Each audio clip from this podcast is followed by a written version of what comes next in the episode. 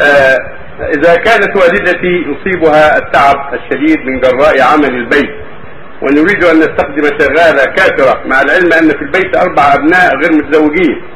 وكذلك ما الحكم لو وجدت الشغالة في المنزل وأنا لا أستطيع أن أخرج من البيت أيضا؟ وما الحكم في الكلام معها كي تدخل الإسلام؟ سمعت الكلام. سمعت الكلام يا السائل هذا لا يجوز أبدا. لا استخدام شغالة كافرة أبدا.